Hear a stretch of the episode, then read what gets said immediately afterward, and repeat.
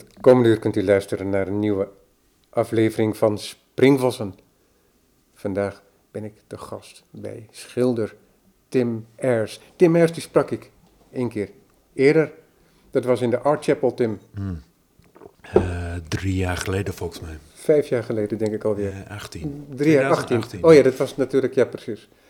In die mooie ruimte. Ja, Moeilijke ruimte zou je ook denken voor schilderkunst, maar jouw werk leende zich op dat moment heel goed. Die seriewerken die je daar maakte, voor die ruimte. ja, dank je. Ja, het was niet daarop gemaakt, maar het kwam daar goed te pas. En ehm, ja, het was die, die, die, de, de road movie serie, 14 schilderijen, gebaseerd op ehm, de, de Kruisweg, heet dat zo in Nederlands? De Kruisigingweg? Kruisweg. Ja. ja. Ehm, en dat, dat kwam er goed uit om dat i- eh, in een cirkel te kunnen ophangen. Dus eh, ja, dat lukte wel. Dat is oké. Ja. Jij hebt heel lang gewerkt op één wijze. En die roadmovie die brak daar al mee. ja. En die ene wijze, dat is dat je een grond schilderde. En op die grond plaatste je een woord of een zin of een versregel, zou je het ook soms Ja, kunnen noemen. Ja, hè, want dat, of, want eh, dat speelt daar ook een rol in. Hè, dus taal speelde altijd wel een rol. Dat is in die roadmovie was dat niet het geval als zodanig. En dat was heel strak typografisch vormgegeven. Hè, een, een soort industriële drukletter die je daar schilderde. Daar ben je van afgestapt. De taal heeft jou niet verlaten. Je bent nog steeds een gretig poëzielezer ook. En daar zullen we ook het komende uur wel over te spreken komen. Maar voor dit gesprek had ik je gevraagd, want ik ben weer een beetje naar de bron van dit programma teruggegaan. En dat is één uur, één gast, één kunstwerk. En je had mij vorig jaar een tweeluik laten zien. En dat tweeluik, dat heb je weer opgehangen voor deze gelegenheid. Het is een imposant werk. Hoe groot zijn deze twee doeken? Nou, elk 2,75 breed, eh, bij, ik geloof, 1,70 hoog. Ehm, en dat was ooit bedoeld, eh, dus eigenlijk in totaal 5,50 breed. Dus Ja, ja want, het, want eh, het hangen horizontaal. Ja, precies. Ja. Het is een liggende eh, landschapformaat.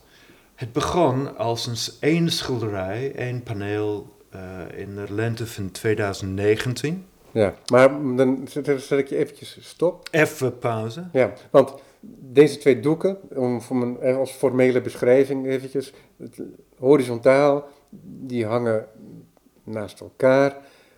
En de middenlijn, dat is een ruimte, een marge die je hebt gemaakt van, nou, hier op een afstandje gezien 2, 3 Ja, centimeter. dat is drie centimeter. Ja, dat is een, eh, een, kleine, een kleine marge. Na, een lange puzzel moest dat drie centimeter worden. Ja. Vier klopte niet, twee klopte niet, vijf klopte niet.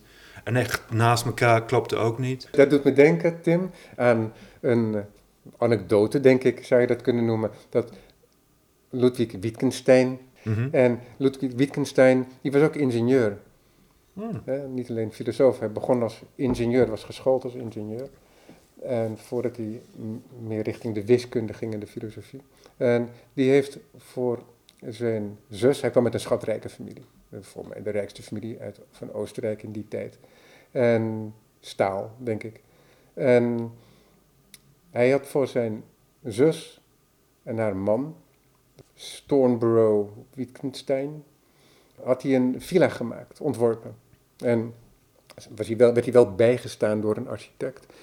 En toen het hele ding bijna af was, toen was hij toch niet tevreden over, volgens mij, de salon.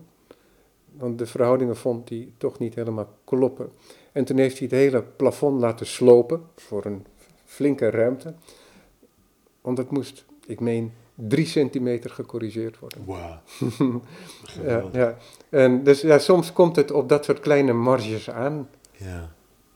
Anekdotisch, maar dat, dat drie centimeter kwam uit van je, je, je had eh, Alan Newglow, die eh, Britse schilder, die een vriend van mij was. En hij had dus die, die standard leaning schilderij. Ja, daar heb je ook nog een mooi tekstje over geschreven in dat... In de AXA-catalogus. cata- ja. Ehm, dank je. En, ehm, eh, en Allen heeft ook wel heel lang uitgepuzzeld van, van die blokken waar die schilderijen moesten komen opstaan en wat voor angle tegen de muur en dat soort van dingen.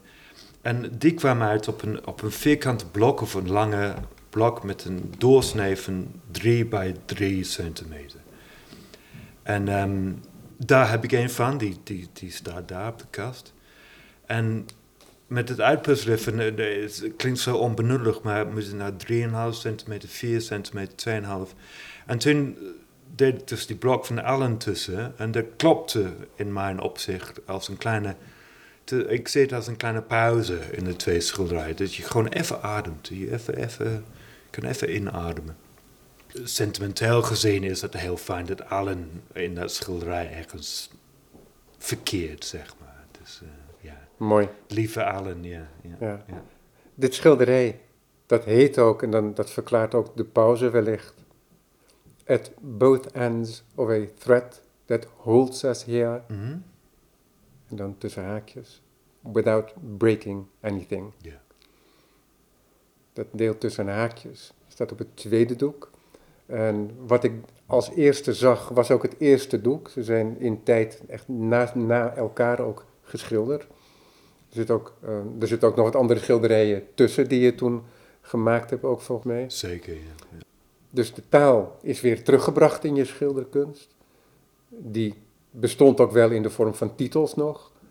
Maar nu is het en de titel en het is geschilderd, maar niet meer met die strakke typografie. We hebben te maken met grote, donkere doeken. Het is bijna niet te fotograferen. Nee, Want op foto lijkt het er zwart uit te zien, maar wat zwart is, is blauw, is zelfs geel, is groen. Dat doe jij op, een, op je eigen manier, met hele dunne lagen, heb ik begrepen. Mhm. Wel acryl. acryl, ja. Ja, ik was verrast dat je met acryl een dergelijke transparantie kunt bereiken. Ja, ehm, dat gaat terug van die dingen op MDF, die waren gewoon gemaakt met een, eh, een huiswerf, gewoon een indus- industriële werf waar je mee je, je kozijnen mee schildert en dat soort van dingen. Het was gewoon echt heel simpel recht toe, recht aan. En dat, dat, dat verhaal van mij met het eh, ongeluk niet meer kunnen tillen en eh, overstappen naar acrylwerven. En linnen, En op linnen inderdaad terug op eh, doek. was zo'n ontdekkingsreis van wat acryl kon doen. En ik ben niet in olieverf gaan werken, omdat ik wou niet meer in dat stink en dat stank zitten de hele dag. Met de, de, de, de, de, met de oplosmiddelen. en- Oplos, ja, de Ja. turpentine eh, lucht en zo. En acryl is lekker snel. Ja, lekker snel. Het, het gaat goed. Je kan er gewoon door. Je kan er op een dag gewoon heel veel eh, eh, bereiken.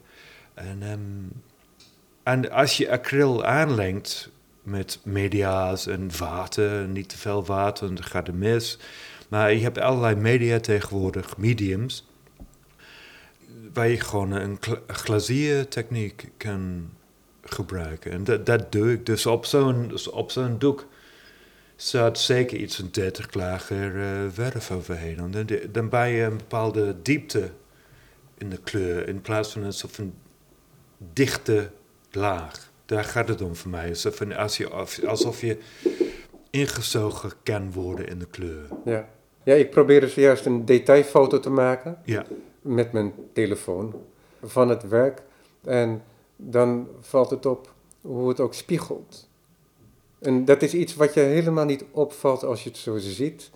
En het is wel zo dat je weinig vaste grond hebt. Het is echt een ruimte die je geschilderd hebt. ik hoop het, ja. En wat interessant is, is dat je weliswaar geen strakke typografie meer hanteert. Het is zelfs zo dat je de titel van het werk, dat zou je kunnen zeggen, is ook nou, het motief van het schilderij. Hè? Het is eh, wat het beeld als het ware maakt in die ongrijpbare ruimte.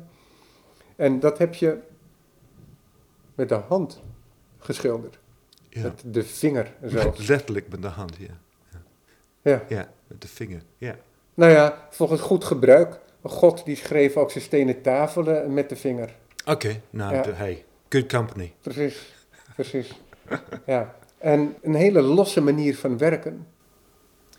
Ja, dat, dat heeft dat verhaal dat nog, dat verhaal nog achter liggen. Is het, ik was jaren bezig met die uh, zogenaamde schablonen schilderijen, van die strakke typografische dingen inderdaad. En dat ging dus over iets zeggen in de meest eenvoudige en recht u recht aan manier. De, de, de inhoud van het be, besef, begrip van de tekst, het woord tekst, kreet, um, verladen van tekst,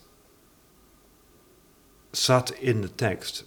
En toen, ja, mijn, mijn leven is dus door allerlei dingen heen gegaan. Ja, want, want dan eventjes voor die mensen die dat vorige gesprek niet gehoord hebben. Okay. Jij hebt die, we spraken elkaar over road movie, Ja, hè, die veertien schilderijen. Maar dat had ook een hele persoonlijke betekenis. In die zin is dat jij met een verzamelaar of galerist in Duitsland op de autobaan van de weg bent geraakt, ongeluk. Ja. En ehm, daar heb je van moeten revalideren. Ja. Dus dan hebben we dat gehad. En dat heeft ook een effect gehad op hoe je leefde. En dus ook hoe je je kunst bedrijft. En dus ook waar je naartoe bent gegaan in Ja. je kunst uiteindelijk. Ook wel wie, wie, wie ik ben geworden als mens. En ik heb het dus toen gedacht, en, eh, en ook wel toen tegen jou gezegd, maar nog een keer dan. Want het klopt, klopt nog wel, is dat. ehm, ik denk dat zo'n trauma. Ik dacht aan die, aan die gebeurtenissen van eh 911 in Amerika, in, eh, in, in Amerika in het algemeen. Ehm, we- wij gingen als een maatschappij, als een wereld in een bepaalde richting en dat ging oké en dat was oké. en, en die dingen gebeurden die dag en die heeft onze wereld een heel, van half graad of één graad opzij geduwd.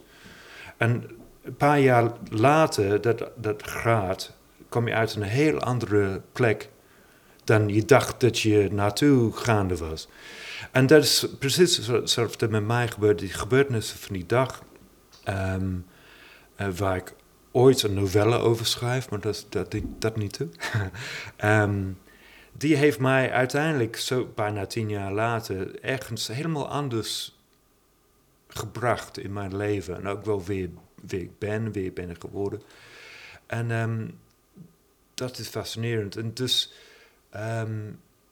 dus dat heeft ook wel een effect op mijn kunst. Dus op een gegeven moment, dat hele typografische afstand wat ik eh, gebruikte, dat, dat, dat paste niet meer bij, mij. Ik dacht van, ik moet het anders eh, pakken. En dan, dan wordt men zo van, gaat men terug naar een van kunststudent ding. Je moet het opnieuw leren, je moet te- technieken op, opnieuw leren. Acrylverf, doek, die had ik nog in mijn handen ergens, eh, van de kunstacademie. En dan ga je ook wel terug naar je, je, leermeesters, je, je, je influences. En ehm, dat voor mij als jonge man was eh, zeker Cy Twombly en Willem de Koning en eh, eh, Bryce Martin, dat soort van dingen. En, ehm, dus, dus je, gaat, je gaat een nieuw pad op. En gewoon nieuwe dingen ontdekken. En, en de vraag was simpelweg, hoe schrijf ik dus een tekst? Omdat voor mij blijft dit gewoon eigenlijk simpelweg... Alles wat ik doe, de- eh, alleen maar wat ik doe, is gewoon de titel van een schilderij op de schilderij schrijven. Hoe dan ook. That's all I do. Zo so simpel is het wel. Ja, als je, als je het inderdaad heel kort wil Ja, samenvatten. eigenlijk wel, ja. ja. Ehm, eh, Dat kan elke schilder zeggen. Want dat is interessant. Ik had het daar toevallig deze week met een andere schilder over. En dat ging dan ook over deze gesprekken en of daar wel eens het gevaar bestond dat een schilder, in dit geval specifiek een schilder, zich te veel kon blootgeven in zo'n gesprek ook. Als schilder. Hè? Mhm. Want ik ben niet iemand die hele persoonlijke gesprekken voert. Al, het maakt niet uit, want je hebt, nooit, je hebt nooit een eh, recept dat je even kunt uitvoeren. nee, en ook wel over wat jij doet met deze mooie radioprogramma's, is dat je hebt het dus over een visuele iets met in woorden. Ja, words Eh, for pictures. Words for pictures. En in mijn geval zijn dus pictures van woorden op de radio die moet verteld worden alweer in woorden. Dus eh, dat is ook een mooie, mooie, mooie flip-flop, zeg maar. maar Zeker. ehm, dus het ging dus over hoe, hoe breng dus een tekst op een, op een doek als ik geen schabloon gebruik. En dus ik heb kwasten gepakt en dan wordt het meer kalligrafisch. En eh, heb je ook wel over je handschrift, letterlijk je handschrift. En ik was, eh, het grap was met mij, is ik was altijd heel tegen de handschrift. Er mocht geen handschrift in de schilderij komen. Nou, dan ga ik dus echt mijn eigen handschrift eh, gebruiken. En ja, daar heb je een bepaalde fluiditeit in, de schilderij, en druppels en, en, dat soort van dingen. En ik zag dat vaak als, als, alsof je een soort van dirigent bent. Een soort van, ja, conducting the painting. Ja. ja, want wat belangrijk is denk ik om te vermelden voor de mensen die het moeten doen met de foto die ik bij de aankondiging plaats en die er nogal zwart uitziet en wat het in werkelijkheid niet is, is dat je in die geschreven laag, hè, want die tekst die je aanbrengt dan, die ook de titel van het werk is, at both ends of a thread that holds us here without breaking anything, is dat die tekst die schrijf je met dezelfde aangelengde verf, een soort gelijke aangelengde verf, want het is een andere kleur heb je daarvoor gebruikt. Yeah. Het is bijna fluoriserend. Dus het doet mij denken ook aan die algen die je, als je geluk hebt, op een zomeravond kunt, die golven uh, kunt zien doen Mhm. oplichten. Ja, daar doet het ook aan denken. Ja. En, en ja, precies. En, dat, en die lopen ook weg over het, over het doek. En dat is, dat is daar deel van. Dus je ziet ze opkomen en tegelijkertijd verdwijnen ze weer. Dus ik moest ook denken aan die beroemde zin die Yeats volgens mij op zijn grafsteen heeft staan. Um, Here lies a man whose name was writ on water. En Bill de Koning die heeft dat ook voor een schilderij gebruikt. Hè? Ja, whose name was ja. writ in water. Ook in die periode dat hij nogal aanlengde. Op een andere manier dan jij. Waardoor het net lijkt alsof die tekst opdoemt en tegelijkertijd alweer aan het verdwijnen is. En dat is zo omdat het druipt, maar dat is ook zo omdat het, die, omdat het oppervlakte het in zich op lijkt te nemen. Het is een soort diepzee waarin weinig licht is, maar het spaarzame licht dat er is, dat doet dingen zo eventjes oplichten. En als je dan beweegt langs het schilderij, dan krijgt het ook een andere karakter en een andere presentie. Ja, ja. Ja. Ja. Maar goed, dan gaan we weer terug naar je handschrift. Hè. Dit Ja, allemaal... dus handschrift en de kwast. En ehm, dat had wel iets. En op een gegeven moment, ik had een idee van... ehm, dat, je zit in een beslagen ruimte, in een café of zo, in, in, in de etalage. En je schrijft dus iets in de, in de, in In de damp. In, de- in damp, in de condens Ja. van, de, van het ruit. En dan schrijf je voor jezelf, maar de, degene die buiten staat, die leest dat, die leest dat dan in een spiegelbeeld. Toen dacht ik, kan ik dus gewoon schrijven met mijn vinger? Is, is dat dan te doen? Dus daar kwamen een paar schilderijen uit. En werd inderdaad, sommige schilderijen waren dus in spiegelbeeld eh, geschreven.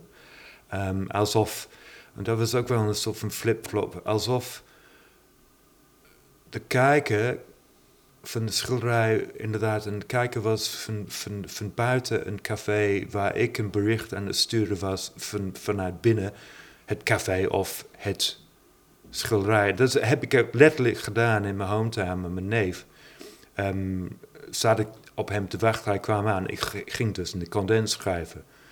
Ehm, dus er kwamen dus een paar schilderijen. dat Ik heb echt gewoon mijn vinger in de verf en gewoon de woorden geschreven. Dat is ook wel best wel moeilijk, omdat een vinger, die draagt niet zoveel verf. Dus hij, hij- wordt op een gegeven moment Nee, een beetje stroef. en, hydrostatisch zelfs. Ja, het, ja, het het is- neemt geen verf op. ja, het is geen, het is geen, geen kwast. Ja. Maar voor deze schilderij moest, moest, dat, wel, moest dat wel zijn. En dus om het ietsjes meer uit te leggen, de schilderij. De linkerpaneel staat inderdaad wel ergens te lezen. Eigenlijk meer holds us there. Dus vanuit zin van eh, at both ends of a thread that holds us here, here, here. Not there, here. En de rechterpaneel heeft een schaduw van die tekst without breaking anything. Maar is meer opgebouwd door alleen maar kleine touches. Gewoon aantastingen van, van mijn vingers. Die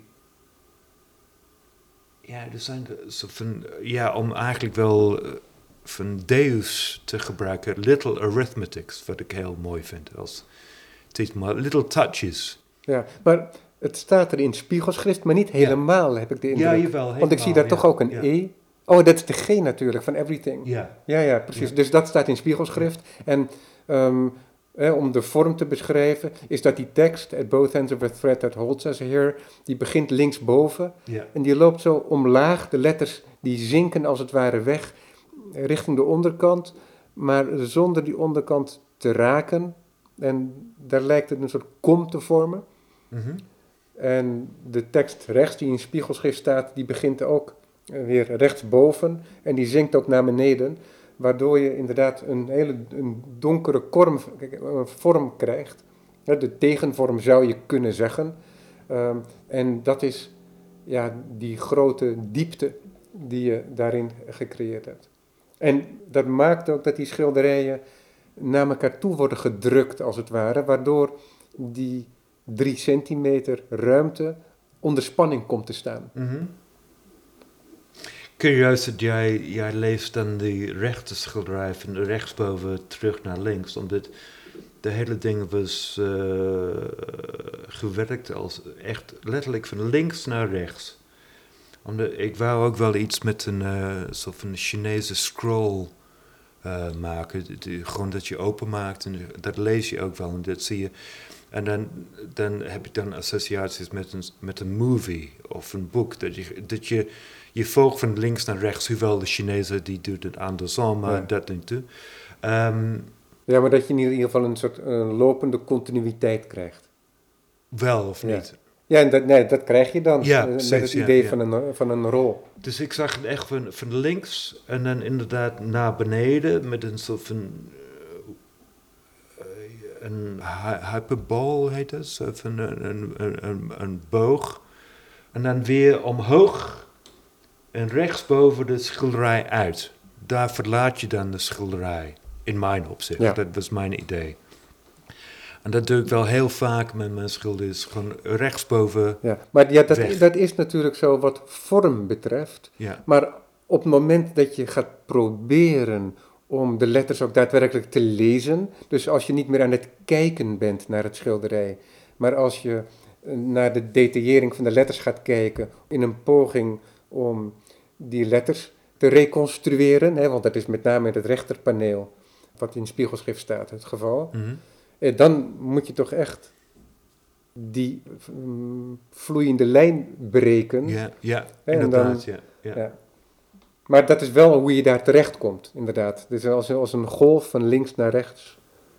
Ja, Ja, je kunt het ook wel zien als een soort van een boek die open gaat. Dan die, die, die, dat middelding, die drie centimeter, is dan de spine van, die, eh, van de boek. En, eh, of, een, of een altarpiece die gewoon open is aan de muur. ja. Dat vind ik ook wel een, eh, altijd een fascinerende manier van kunst kijken. Hoe kom, je, hoe kom jij aan deze, deze teksten? Zijn dat vrije associaties? Schrijf je poëzie zelf ook in je... Dat zou ik nooit toegeven. No one to let to know. Ja. maar je brengt hier wel iets samen, hè? Om die fascinatie voor taal. Waar, heeft die altijd bestaan? Ja, ja, ja, sinds, sinds jongs af. Ook poëzie specifiek? Ja, nou, ehm, ik heb daar ergens een boek van mijn, mijn puberpoëzie, mijn adolescent poetry. En ik dacht heel lang als, als adolescent, als puber, dat ik zou misschien echt inderdaad een, een dichter worden. Ja. Ehm, en toen, ik had best wel jong, 16 of zo, ehm Eliot gelezen, en voornamelijk The Wasteland. En toen had ik zoiets van, ja, dat, dat, dat, dat, bereik ik dus nooit. Dat is gewoon echt, dat is voor mij het einde, het begin en einde van alles qua poëzie. Ehm, en ik moet wel zeggen, dat die, The Wasteland is echt een gift that keeps giving. Dat, dat blijft gewoon echt centraal in mijn leven. Ehm, dus de taal en natuurlijk eh, songteksten, Johnny Mitchell, Neil Young, Bob Dylan, dat soort van eh, dingen. Ehm, in het begin. Ehm, eh, en literatuur, natuurlijk. Ehm, ik lees heel veel. Heel veel. Best wel veel.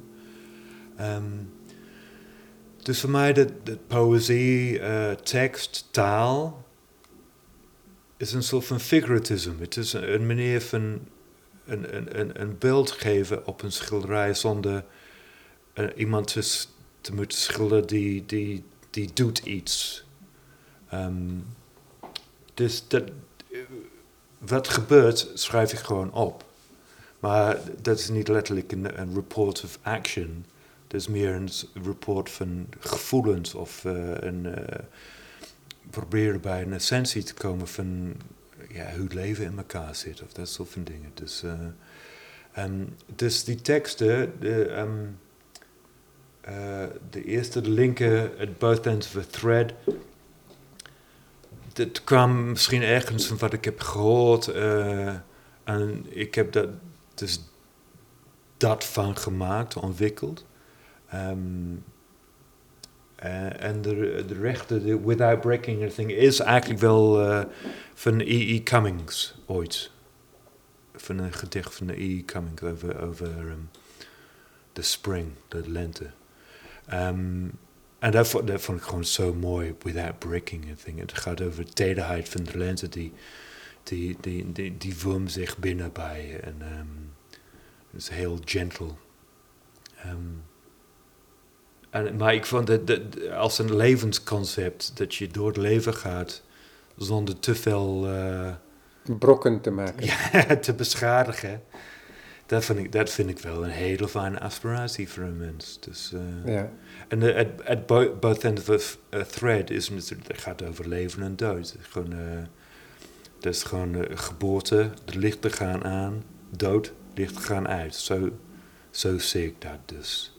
Maar in, in, in the meantime heb je dan 70, 75 jaar of zo, waar je gewoon heel veel uh, kan meemaken en verrichten en, uh, en doen. En uh, ja, zo is het leven. Dus, ja, ik geloof, wie was dat? Ik denk Barnett Newman, die dat ooit een keer zo omschreef. Ja, dat het leven eigenlijk inderdaad een klein vonkje is tussen een heel grote niets daarvoor en daarna. Ja zoiets. Ja. En wij zijn geneigd inderdaad om het leven als een uitgestrektheid te zien.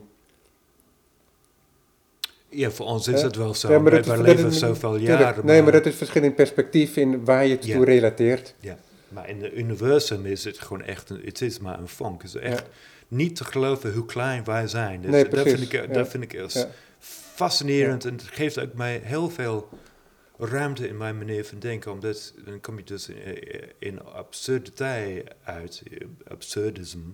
Ja. Nee, maar dat is heel mooi hoeveel ruimte het geeft om een uh, positieverschuiving te krijgen, want hij bekijkt het dan uh, van buiten. Ja. En doorgaans bekijken wij het leven natuurlijk vanuit dat, dat leven en dan krijg je een ander perspectief. Maar het kan heel verhelderend zijn. Ja, ja.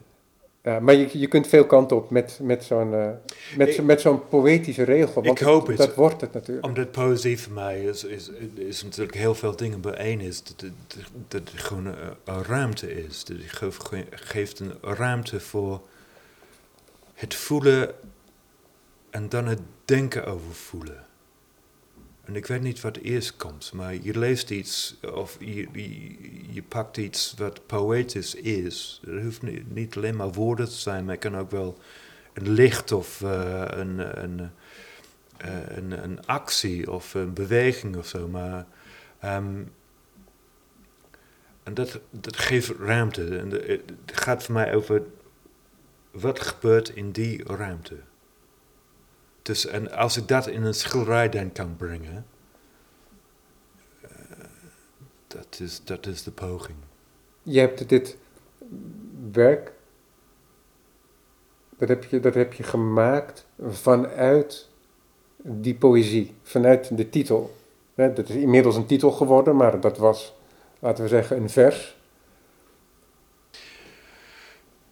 Of heb ik dat Nee, uh, omdat dan kom je dus bij het idee van de, de schilderij is een illustratie van een idee over poëzie of een titel. En dat is het niet. De, de, de, titel, um, hopelijk, is, is een ingang in de inhoudelijke aspect van de schilderij. Van wat, wat, wat voor effect heeft de schilderij op de kijker.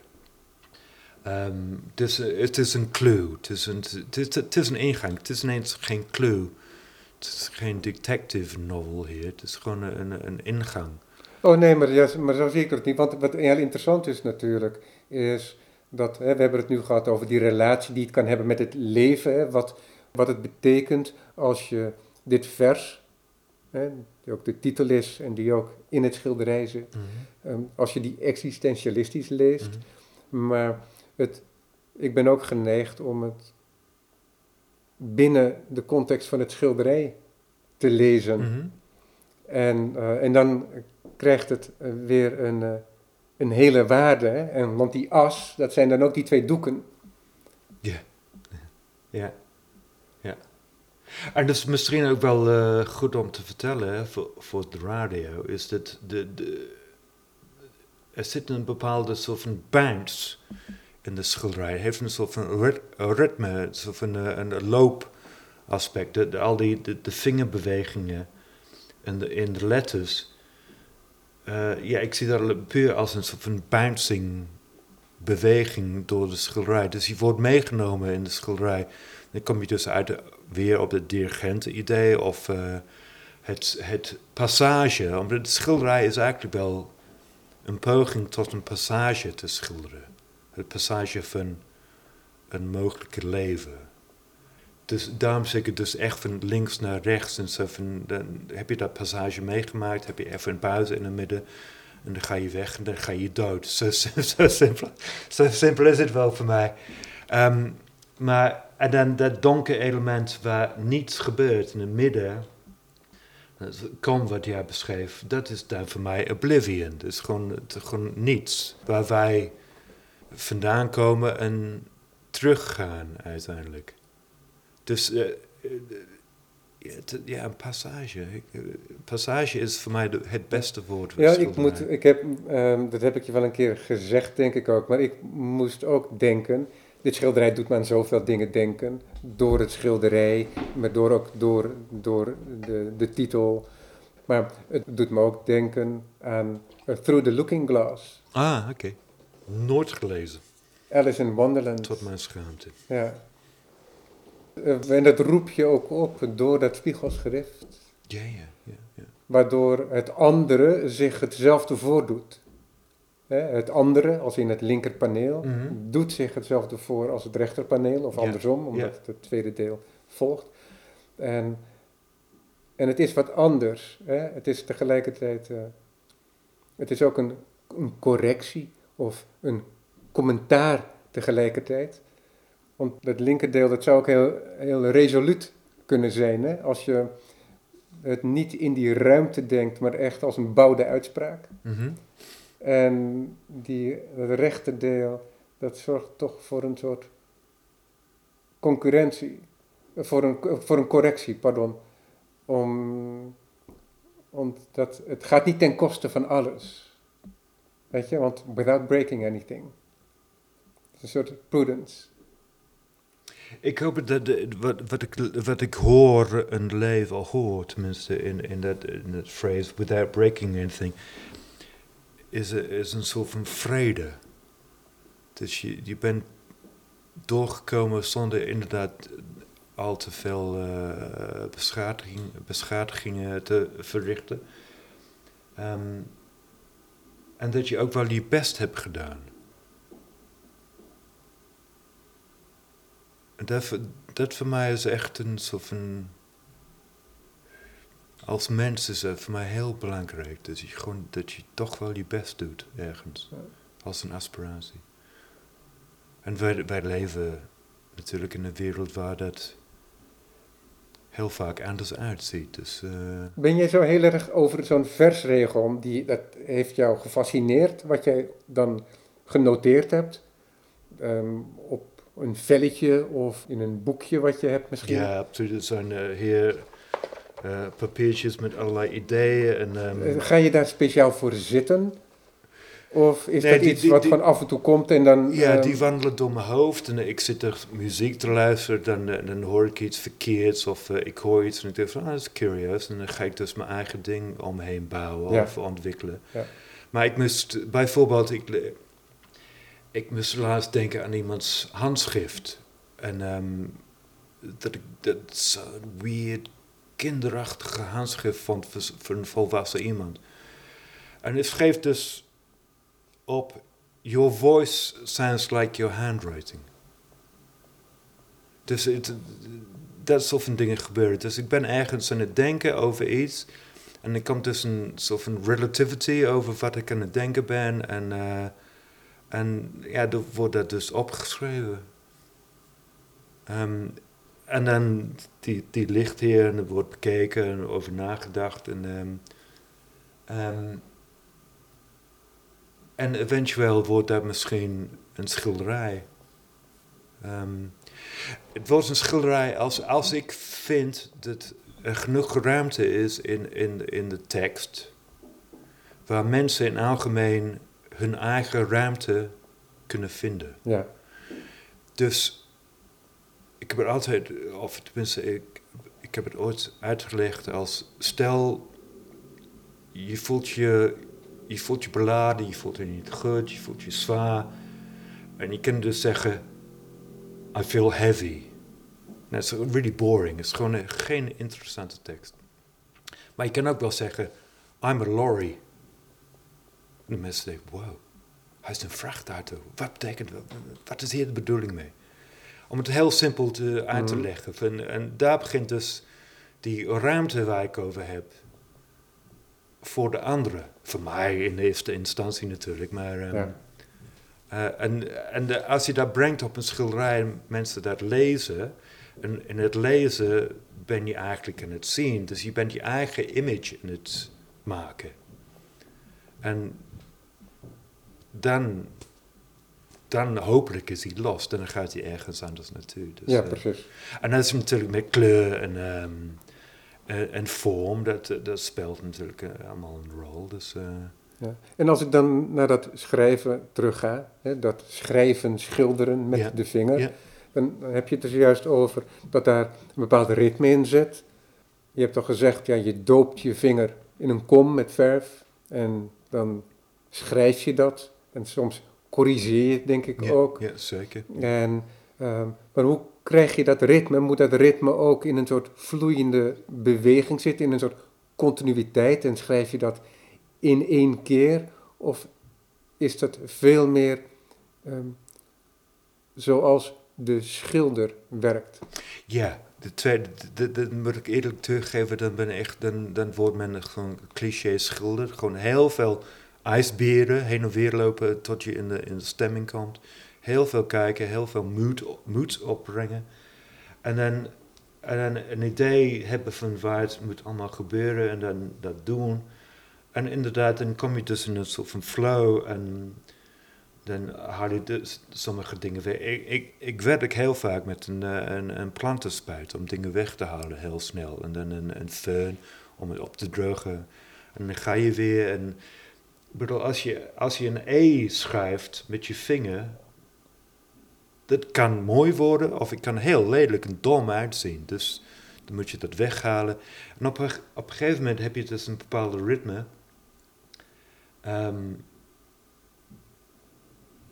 en een bepaalde hopelijke uh, formele stevigheid. Dat dingen wel in een goede plek zitten of niet.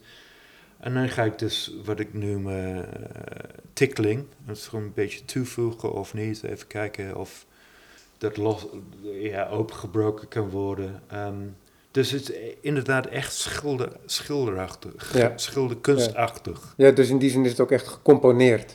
Ja, ja. It's really painting.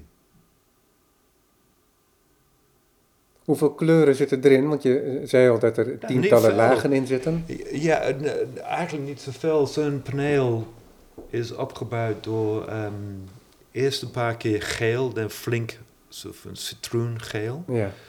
Um, ja, dat zie je ook nog wel. Dat is wonderlijk genoeg, ondanks al die lagen. Ja. En dan een paar keer um, een bepaalde blauw, misschien, misschien een Petalo blauw of een ultramarine, best wel een donkere blauw. Um, en dan begin ik dus met, met die groene. De groen is, uh, is petalo, die woord kan ik nooit zeggen, petalo turquoise. En die heeft een bepaalde ehm, transparantie. Ehm, en als je dat aanlengt, bij dat op, bij dat op. En dan je komt eigenlijk uit, eh, voor, de, voor de luisteraars, op een soort van gracht groen die bijna op het zwart is.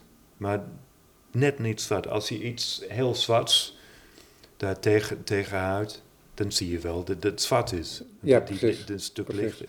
En ik ben ook wel gefascineerd met de echt ouderwetse, traditionele manier van de schilderijopbouw. Ik bedoel, als je kijkt naar Della Francesco of ehm, die jongens van toen.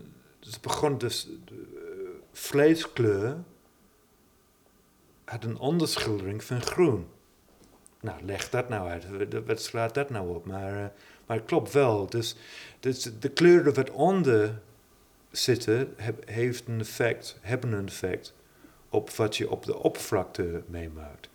Dus heb je een, een, een, een, spanning of een gesprek tussen de binnenkant van de schilderij en de buitenkant van de schilderij. En in dat nanomillimeter van, van materiaal gebeurt dus heel veel dingen. En, eh, op de oog en ook wel dus in the imagination. En dat, dat, dat, qua schilderkunst vind ik dat echt fascinerend. Als je dat kan bereiken. Is, eh, dus de schilderij begint deep down. Ja. Qua kleur. Ja. Luister je naar muziek terwijl je aan het schilderen bent? Ja, ja, heel veel. Ja. Ja, eh, en het is ook wel, eh, moet ook wel gezegd worden over deze schilderij. De, de, wat ik wou eerder vertellen is, de, de rechterpaneel die bestond. En ik dacht dat die klaar was. En ehm, ben ik weggelopen, en, eh, klaar. En, en, kijk, maar kijk en kijk. Ik dacht van, nou, het klopt niet. Het is het net niet, het is het net niet. En van de zomer van 2019 eh, was ik in Engeland een beetje wandelen en denken. En eh, over, ook wel over deze schilderij van ja, wat moet dat? En ehm, er is een nummer van de National. ehm, dat, heet, heet Sleep Well Beast. Van de Sleep Well Beast LP, de laatste nummer. En dat nummer heeft een heel bijzondere vorm. Het begint met zijn gezang. En hij heeft het over bij een feest staan. En hij is een beetje eenzaam of eh, zoiets. En dan gaat het dus in een best wel lange interlude van muziek. Een beetje elek- elektronische muziek. En dan komt hij weer met, met zijn gezang met zijn verhaal. En dat, ehm, ja, waar het echt over gaat is ook wel niet helemaal duidelijk. Maar, en ik vond dat vorm heel mooi. Zo van, je begint met iets vertellen en dan ga je dus in een soort van interlude. En dan aan het einde van de nummer vertelt hij nog iets. En dan is het nummer klaar. En ik dacht van, hoe zou, hoe zou ik dat als schilderij kunnen maken? En toen kwam ik op het idee van, ah, die, die schilderij, die moet een, een tweeluik worden. Dus een begin en dan een passage van iets of niets. Ja. En dan een uitweg weer. Ja. En da- dan, dan, dan kom ik dus in een soort van cinematic manier van denken over wat een schilderij kan zijn. Dan kom je ook wel weer bij Joni Mitchell, waar we eerder vandaag over hadden, van de bepaalde eh, periode van Joni, dat heel cinematic is. Ehm, die vertelt echt een, een, een verhaal, Eh, het is een big picture. Ook wel Deus, die maakte ook wel van die cinematische eh, nummers. Dus, eh, dus dat zat ook wel in, in deze schilderij. Van, ehm, how do you make a cinematic musical painting? Ja, en daar zit ook Als een, een schilderij. ja, maar in het voorbeeld wat je aanhaalt, er zit ook een element in van een soort terloopsheid. Hmm. Dus, en dat het net lijkt alsof eh, de kunst van de, van de muzikus. Sorry, En- Robert, terloops is gewoon just happened, toch? Ja, Gewoon- ja, ja. En Ja. ja precies. Dus er is een soort gesprek en als een soort troubadour is er een soort inleiding. En dan is er de muziek en dan zijn die woorden er weer. ja. En het is niet of het een of het ander. Hè?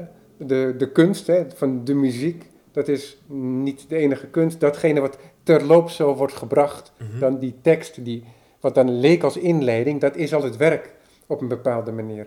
Mhm. En dat heeft dit werk ook. Dat lijkt iets achterloos te hebben. Hè, waar je eerst die hele strikte typografie had, zo neergezet, alsof het gedrukt staat.